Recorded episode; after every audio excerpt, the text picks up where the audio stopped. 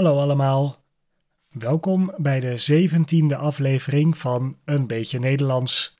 Vandaag ga ik het hebben over het Nederlandse schoolsysteem. Vergeet niet dat je de tekst van de podcast kan vinden op de website samen met een lijst met moeilijke woorden. Ga daarvoor naar www.eenbeetjenederlands.nl. Deze aflevering gaat over het onderwijs in Nederland. Ik ga deze aflevering het hele schoolsysteem door, van het eerste begin voor kleuters tot het hoogst haalbare in wetenschappelijk onderwijs. En alles dat daartussen zit. Nu, door met de podcast.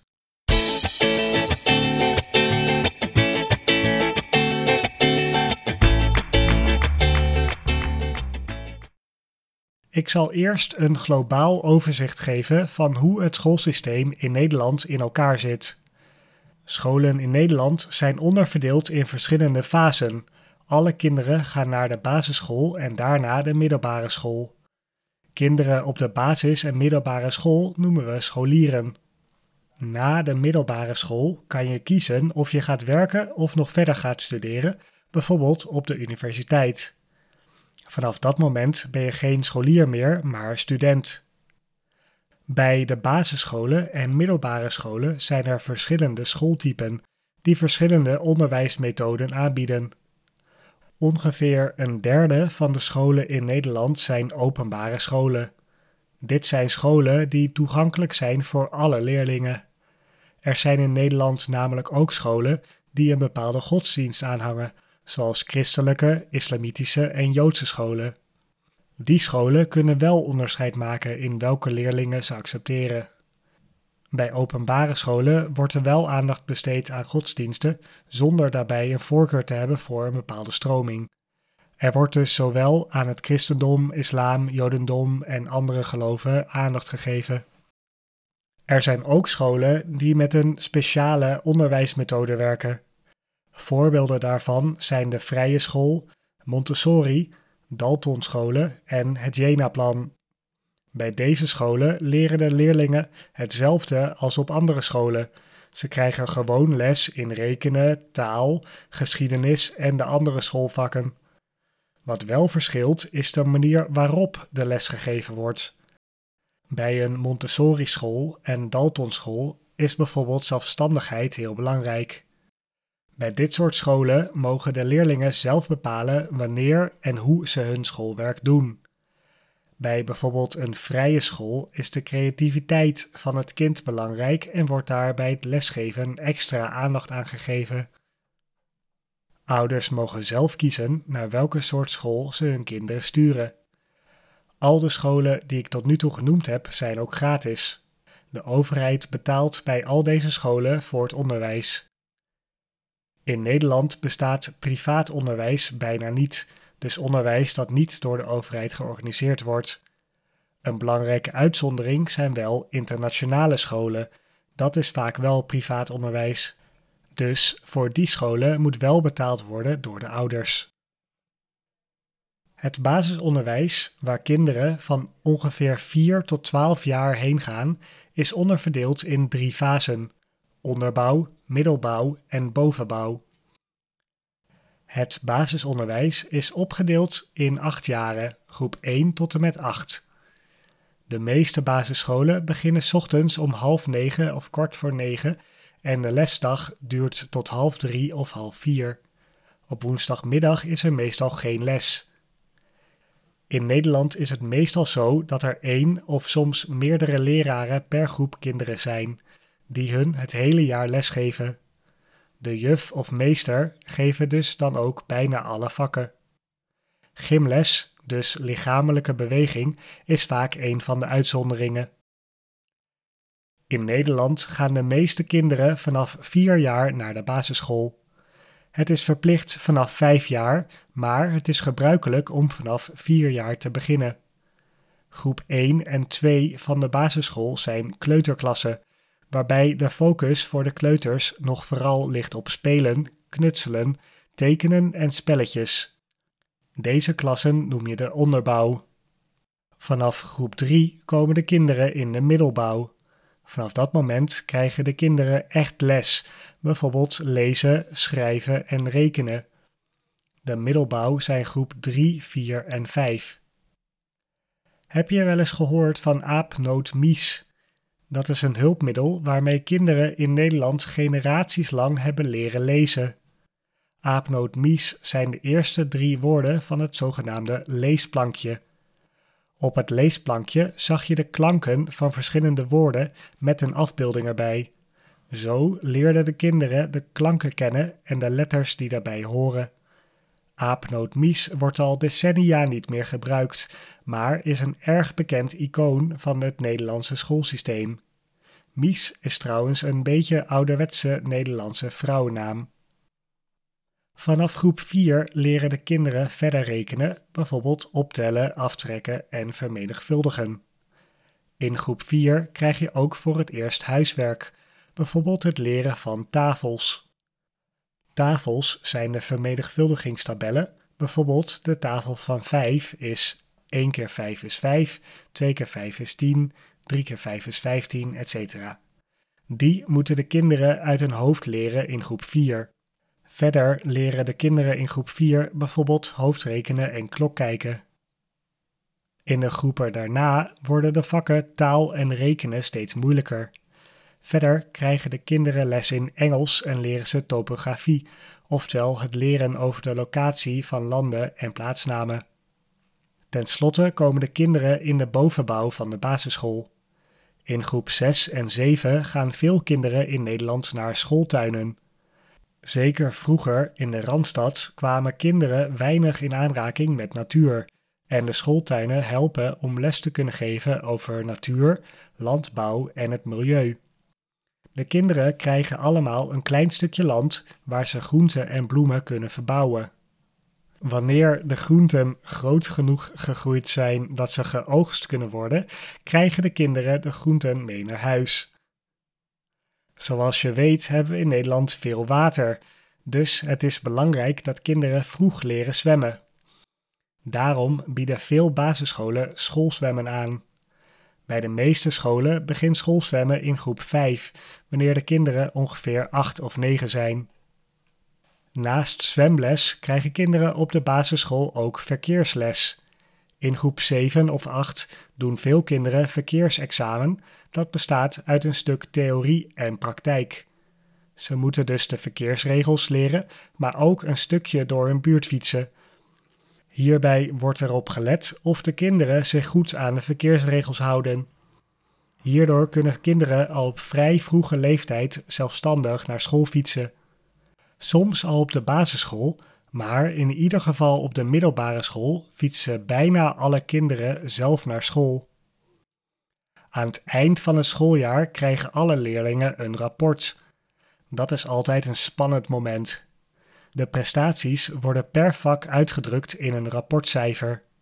In Nederland krijg je een rapportcijfer van 1 tot en met 10, waarbij een 10 perfect is en een 1 zeer slecht. Cijfers van 5 en lager zijn onvoldoende. Een 6 is de laagst mogelijke voldoende. Het is ook nog mogelijk om een plus of min toe te voegen aan een cijfer. Bijvoorbeeld een 8 plus is een ruime voldoende, zeg maar een 8,2. En een 8 min is net lager dan een 8, zeg maar een 7,8. Typisch Nederlands is de krul, wat een symbool is om mee aan te geven dat iets goed is. Bijvoorbeeld op een toets kan je dit symbool tegenkomen bij een vraag die goed beantwoord is. Dit symbool bestaat alleen in Nederland en Nederlands voormalige koloniën Suriname, Indonesië en Zuid-Afrika. Zelfs in België gebruiken ze de krul niet. Daar gebruiken ze, zoals de meeste andere landen, een vinkje om iets als goed te markeren. Het laatste jaar van de basisschool is groep 8. Dat is vaak een spannend jaar voor de leerlingen, omdat in dat jaar besloten wordt naar welk niveau middelbare school ze mogen. Het zogenaamde schooladvies wordt gegeven door de leraar of lerares van groep 8. Zij hebben de kinderen minstens een jaar in een groep gehad en met de ervaring die zij hebben maken ze een inschatting van het niveau voor ieder kind voor de middelbare school. Daarnaast doen alle leerlingen van groep 8 een eindtoets. De meeste basisscholen gebruiken hiervoor de zogenaamde CITO-toets. In deze toets moeten de leerlingen meer keuzevragen beantwoorden over verschillende onderwerpen, bijvoorbeeld taal, rekenen, studievaardigheden en wereldoriëntatie. Wereldoriëntatie is een brede categorie waar bijvoorbeeld aardrijkskunde, geschiedenis, natuur en techniek onder vallen. Op basis van de uitslag van deze eindtoets kan het schooladvies nog aangepast worden, dus de leerlingen op een hoger of lager niveau terechtkomen. Veel scholen sluiten groep 8 af met een schoolreisje, wat het schoolkamp genoemd wordt. Dit is de afsluiting van het schooljaar en van de schooltijd van de leerlingen op de basisschool. De leerlingen gaan nog één keer weg met de klasgenoten en leraren voordat ze naar de middelbare school gaan. Veel basisscholen sluiten het jaar in groep 8 definitief af met een schoolmusical. De leerlingen van groep 8 repeteren wekenlang voor de musical, die de leerlingen aan het eind van het jaar zingend en dansend opvoeren voor hun ouders. De leerlingen hebben vrije keuze naar welke middelbare school op hun niveau ze willen gaan. Maar op veel plekken is het zo dat sommige middelbare scholen populair zijn en daar veel leerlingen heen willen, meer dan dat ze plek hebben. Vooral in Amsterdam is dat een groot probleem, maar ook in veel andere steden tegenwoordig. Om dit op te lossen is er een loting waarbij leerlingen meerdere scholen moeten opgeven waar ze heen willen. De loting bepaalt wie naar welke school mag. Helaas kan dus niet iedere leerling naar de middelbare school die ze zouden willen.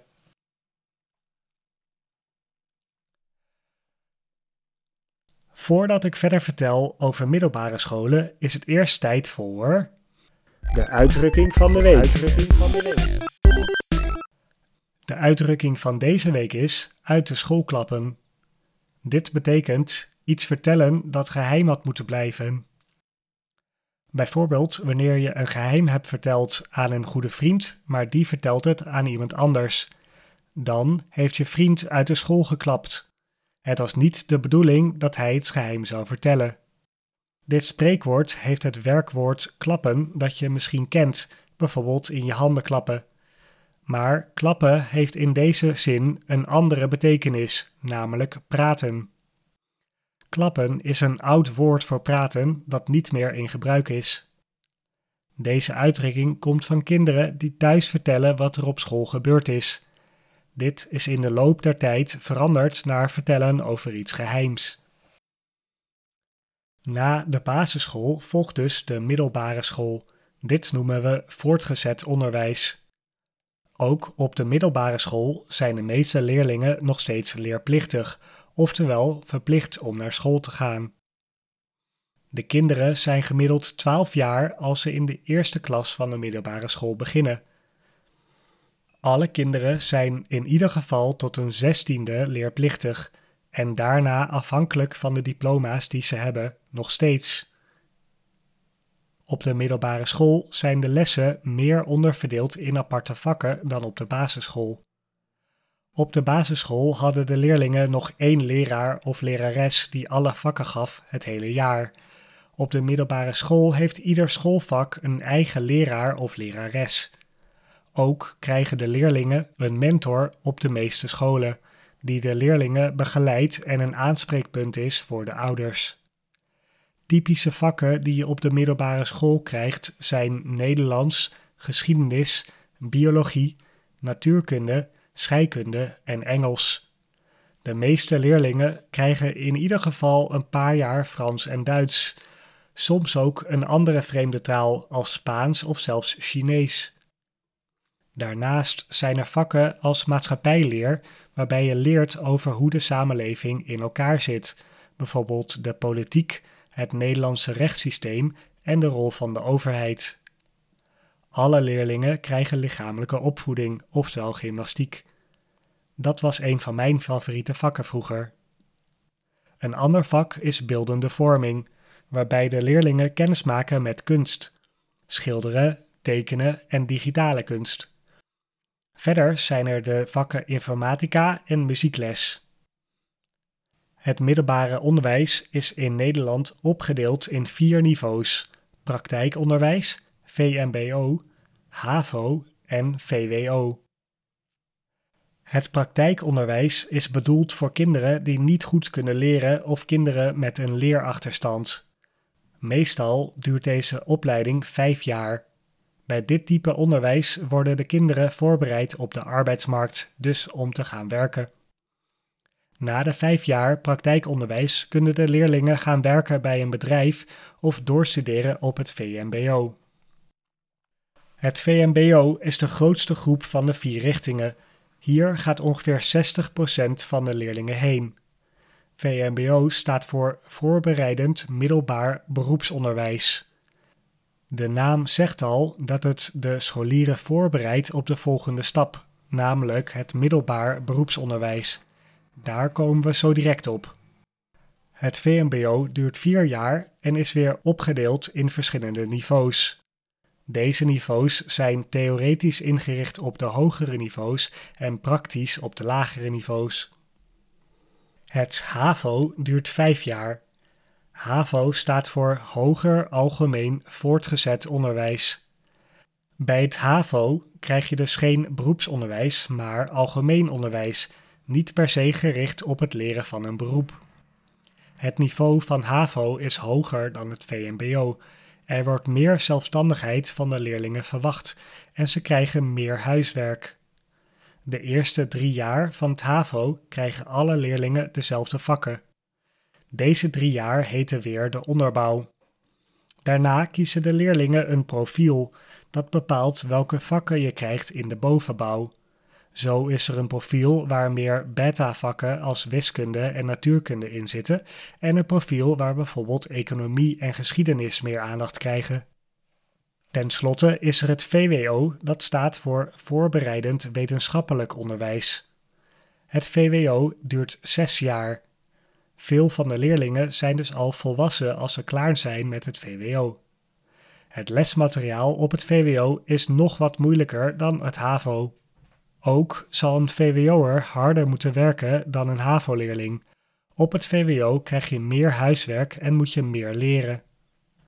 Voor de echte studiebollen is er het gymnasium, het allerhoogste niveau voor de middelbare school.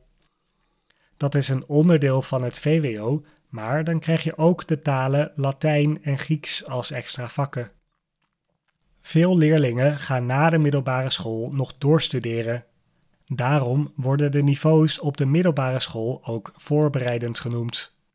Afhankelijk van het niveau middelbare school dat je gedaan hebt, kan je doorstuderen naar de universiteit, de hogeschool of naar het MBO. Als je een VMBO-opleiding hebt afgerond, kan je naar het MBO, het middelbaar beroepsonderwijs.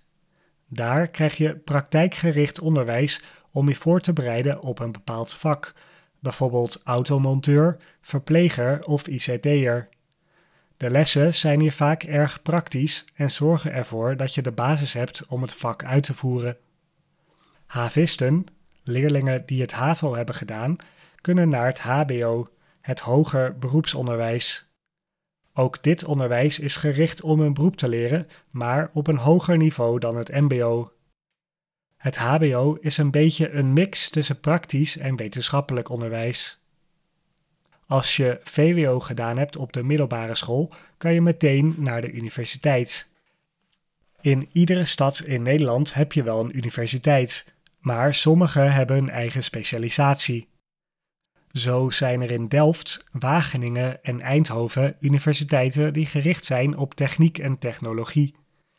De oudste universiteit in Nederland is de Universiteit Leiden. Die is opgericht in het jaar 1575. De universiteit leert je om wetenschappelijk onderzoek te doen. In de bachelorfase van de universiteit krijg je drie jaar college, oftewel klassikale lessen op de universiteit. Er zijn twee soorten college: hoorcolleges, waarbij de docent of professor de lesstof uitlegt, en werkcollege, waarbij de studenten in groepjes opdrachten moeten maken. Nadat de student de bachelor gehaald heeft, kan er verder gestudeerd worden aan de universiteit door een masteropleiding te doen. Masteropleidingen duren één of twee jaar aan de universiteit. In de masteropleiding specialiseer je je in een bepaald vakgebied, bijvoorbeeld rechten, sociologie of computer science. Na de master is er nog de mogelijkheid om te promoveren, dat gemiddeld nog eens vier jaar duurt. Dit staat gelijk aan het halen van een PhD in het buitenland en wordt in Nederland vaak ook zo genoemd. Iemand die bezig is om te promoveren op de universiteit noemen we een promovendus. Een promovendus doet zelfstandig onderzoek naar een bepaald thema en publiceert de onderzoeksresultaten in wetenschappelijke tijdschriften. Deze onderzoeken worden aan het eind van het traject gebundeld in een proefschrift. Om de PhD te halen moet de promovendus het proefschrift verdedigen, met alle ceremonie die daarbij hoort. Er wordt een commissie samengesteld van professoren die het proefschrift moeten beoordelen. Bij de verdediging mogen de leden van de commissie vragen stellen aan de promovendus, die het gedane werk moet uitleggen en verdedigen. Als de promovendus de vragen van de commissie goed beantwoord heeft en de tijd om is, overleggen de commissieleden of de promovendus de promotie verdient.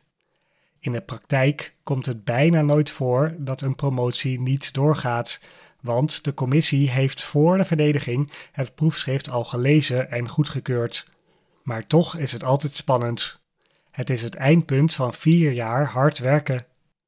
Als alles goed gaat, krijgt de promovendus daarna de titel van doctor. En hiermee kom ik aan het einde van deze aflevering. Van een klein peutertje van vier jaar op de basisschool tot een volwassen dokter. We zijn het hele onderwijssysteem doorgegaan. Ik hoop dat het allemaal duidelijk was. Mochten er nog vragen zijn, wat ik me goed kan voorstellen, kan je die altijd stellen op de website. De link staat in de show notes. Vond je het een interessante aflevering? Deel hem dan met je vrienden, kennissen en collega's. Dat zou ik als maker heel fijn vinden. Ik hoop dat je een beetje Nederlands geleerd hebt en tot de volgende aflevering.